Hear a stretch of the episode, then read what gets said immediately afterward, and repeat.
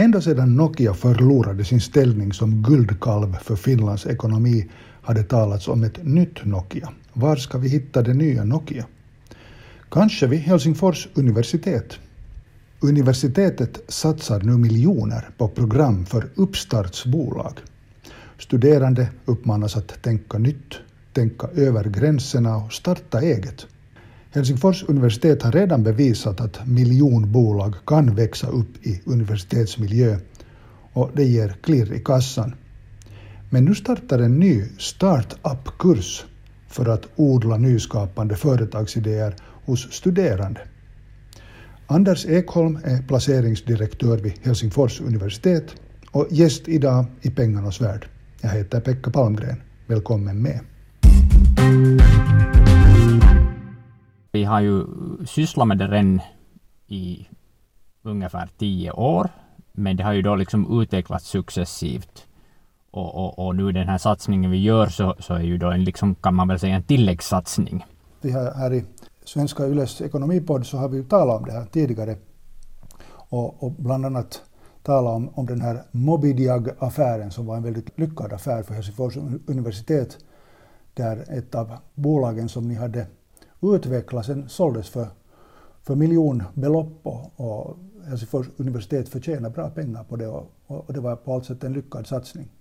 Precis, ja. ja Mobidiag har, har såklart varit i nyheterna och det här och, och, och var ju en jättestor affär för det första. Vi talar ju om drygt 600 miljoner euro hela transaktionen och, och varav Helsingfors universitets andel var ungefär en tiondel. Men det är ju såklart inte, inte den enda större transaktionen vi har gjort. Vi, vi, vi äh, en av våra äh, spinouts, ähm, som vi kallar dem, det vill säga sådana äh, startupbolag där vi investerar förutom pengar också äh, immateriella rättigheter, äh, Nanoform, äh, så listades ju på Helsingfors och Stockholms börs här 2020 och, och har väl ett börsvärde som varierar där mellan 300 och 500 miljoner euro vad, vad jag har följt med och, och, det är ju också kan man säga äh, kan man väl säga en, en stor framgång för, för det här som alla vet så, så, så är det ju inte helt enkelt att, att starta ett bolag från noll och, och, och få det att växa till, till den storleksklassen.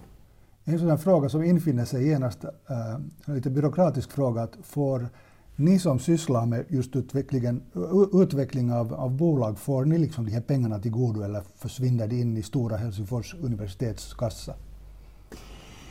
Nu det, är alltså, det är ju en byråkratisk fråga såklart också, men det är en jätterelevant byråkratisk fråga. Hela den här placeringsverksamheten och, och, och bolagsutvecklingsverksamheten så finns ju egentligen till just därför att vi ska kunna liksom tillföra Helsingfors universitets grundverksamhet, det vill säga forskning och undervisning, mera ekonomiska medel. Sen finns det såklart andra liksom eh, goda skäl för oss att finnas, det vill säga vi, vi ser kanske att det kan finnas en viss pedagogisk dimension i det vad vi gör och därav kanske den här kursen um, som, som annonserades här nyligen. Och, och såklart andra liksom samhälleliga dimensioner. Vi, ser, vi, vi skapar ju arbetskrafter, ar, arbetsplatser och, och, vi skapar liksom ekonomisk välfärd. Eller det är vår strävan givetvis och vi försöker ju annars också placera i sådana bolag som sysslar med, med sån här äh, verksamhet som har positiv samhällelig inverkan. Det vill säga äh, tar fram nya mediciner och, och, och, nya lösningar som gagnar hela samhället. Och nu ska det liksom ännu effektiveras, det ska satsas mera pengar. Hur, hurdana summor handlar det om?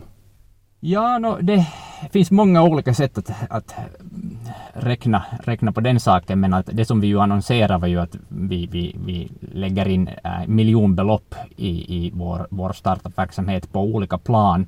Och så som jag nämnde så, så äh, vi, vi liksom använder ju internt äh, använder vi äh, begreppet spin-out för, för startups där vi placerar både pengar och, och immateriella rättigheter och så använder vi begreppet startups för, för, för sådana startups um, som grundas av våra studerande, det vill säga inte av våra forskare då primärt.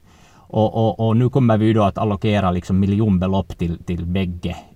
Vilken typ av bolag är det som växer upp vid Helsingfors universitet och, och tack vare Helsingfors? No, det är ju utgångspunkten att det, det, är fina bolag som växer hos oss. Det vill säga, vi, vi, vi har ju en, en selektiv process förutom att vi, vi då liksom gör investeringar och förväntar oss att, att dessa bolag i snitt ska, ska liksom, uh, producera ekonomiskt värde, bara vi kan då förväntas få en, en positiv avkastningsförväntning så har vi också rätt strikta kriterier äh, gällande äh, ansvarsfullhet. Och vi har ju då separata principer för ansvarsfulla placeringar.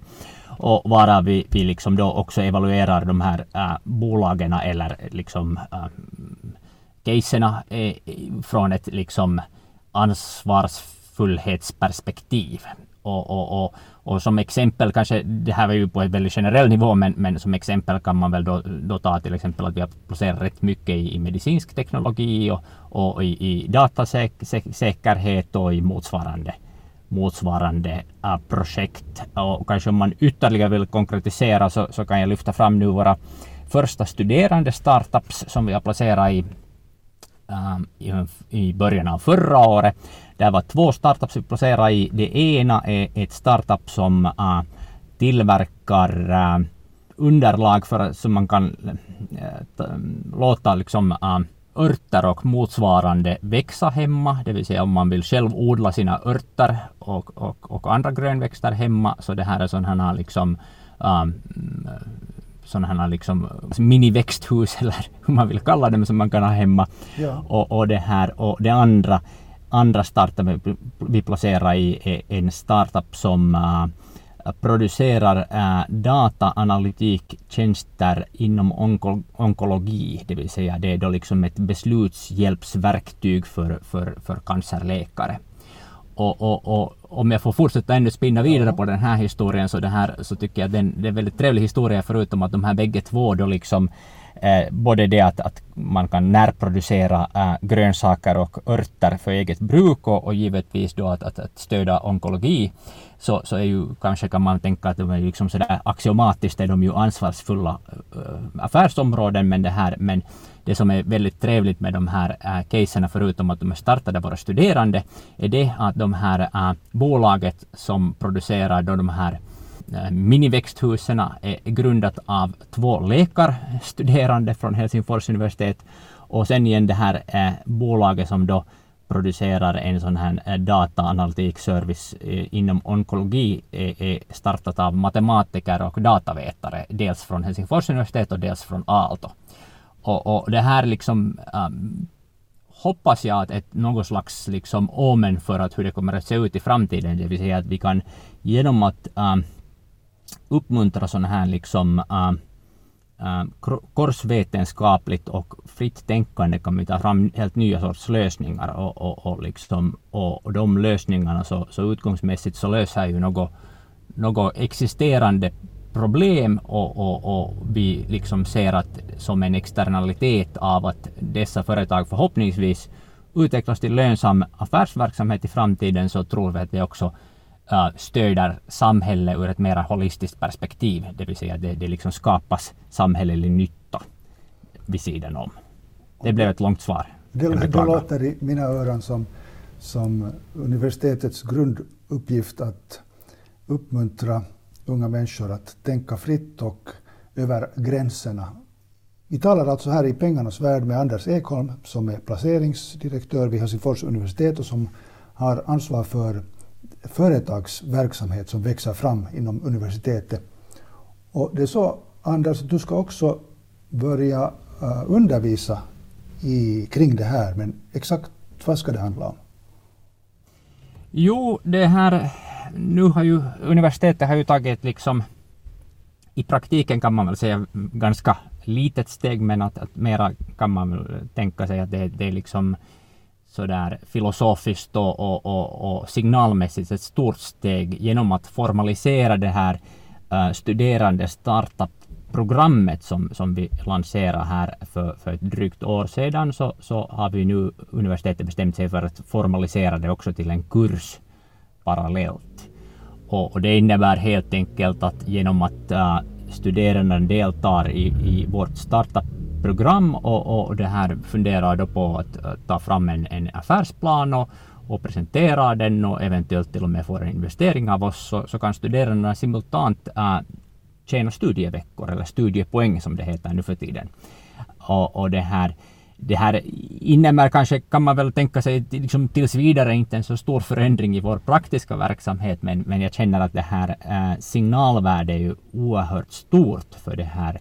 Det, det innebär att universitetet äh, godkänner och, och erkänner att, att äh, startup-företagsverksamhet också kan kanske ha en akademisk dimension, det vill säga det, det kan också uh, Eh, förutom att vi producerar då förhoppningsvis goda bolag och, och, och bra affärsverksamhet så, så kanske kan man tänka sig att, att då de, de färdigheter som studerandena får genom att delta i det här programmet är sådana färdigheter som de kan kanske ha nytta av livet ut i olika kontext oberoende om de kommer att jobba med ett startupbolag som har någonting med, med, med oss att göra eller inte men att det kan ha ett, ett liksom utbildningsmässigt uh, liksom en utbildningsmässig funktion. Så det här, det är väl kort och gott vad det handlar om i, i dagens läge. Sen så kanske man kan tänka sig att det här är ett första steg och, och, och eventuellt kan man tänka sig att kanske det kommer nya initiativ och, och, och, och den här tanken kommer att utvecklas vidare i framtiden. När jag hör ordet startup så associerar jag väldigt snabbt med IT-företag, IT-branschen och medicinska företag. Finns här några möjligheter för humanister att vara med om, en, om ett sån startup-kurs eh, och en eh, startup-verksamhet? Jo, absolut. Det, det, stämmer ju såklart att liksom när man tittar bakåt och, och kanske sådär uh, frågar runt allmänt så, så, så, tänker man ju då eh, så som du, men det här uh, vi, vi, vår, vår liksom, vårt startupprogram och vår startup-kurs är ju såklart för det första är den ju öppen givetvis för alla fakulteter, studeranden och, och, det här, och för det andra så, så ser vi att tvärvetenskaplighet och det att vi skulle få med mer också samhällsvetenskapliga dimensioner är någonting som, som vi, vi eftersträvar. Och, och, och kanske jag utan att gå nu saker allt för mycket i förväg så, mm. så är det kanske någonting som vi lite kan skönja nu i andra årets studerande startup-program att vi, vi börjar se lite mera tvärvetenskaplighet och lite mera humanister. Men, men, men, men det är helt klart att, att um, uh, i dagens läge så, så, så är det ju nog ännu väldigt uh, naturvetenskap betonat och, och, och, men att jag tänker själv att det här att, att i framtiden så, så kommer efterfrågan eller behovet på, på liksom lösningar och förhoppningsvis också utbudet på lösningar att vara betydligt mer tvärvetenskaplig än, än den har varit hittills.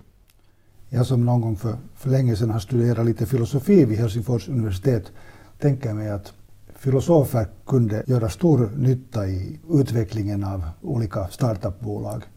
Jo, no, jag kan ju såklart inte kommentera detaljer eh, i ett på, pågående mm, program med det här, men, men jag, jag, skulle verkligen säga att vi, vi i varje fall har ett sånt case nu på gång där, där det liksom finns ett klart sånt här äh, etiskt, moraliskt, filosofiskt inslag och, och vilket var någonting som vi tyckte för det första var väldigt fräscht och nytt och fint tänkande och, och givetvis finns där också informationsbehandling som det, det tenderar att finnas i många av våra case. men det, här, men det var någonting som gjorde det liksom eh, både annorlunda men också, också tror vi kunde ge det här caset en sån här komparativ fördel i konkurrensen. Men, men det, här, det, det är klart så här att, att uh, det att ta fram startupbolag så är ju inte någonting som vi kan sköta liksom top-down så att vi skulle centraliserat börja liksom utfärda några riktlinjer och, och, så här på att hurdana bolag vi vill se utan det är ju, det är ju i allra högsta grad det är ju bottom-up. Det vill säga vi, vi liksom försöker ju äh, erbjuda möjligheten att facilitera och hjälpa men att det är helt klart att det här primusmotorn i en startup är alltid företagaren själv. Idéerna, och, och, och, idéerna föds där bland studerande. exakt.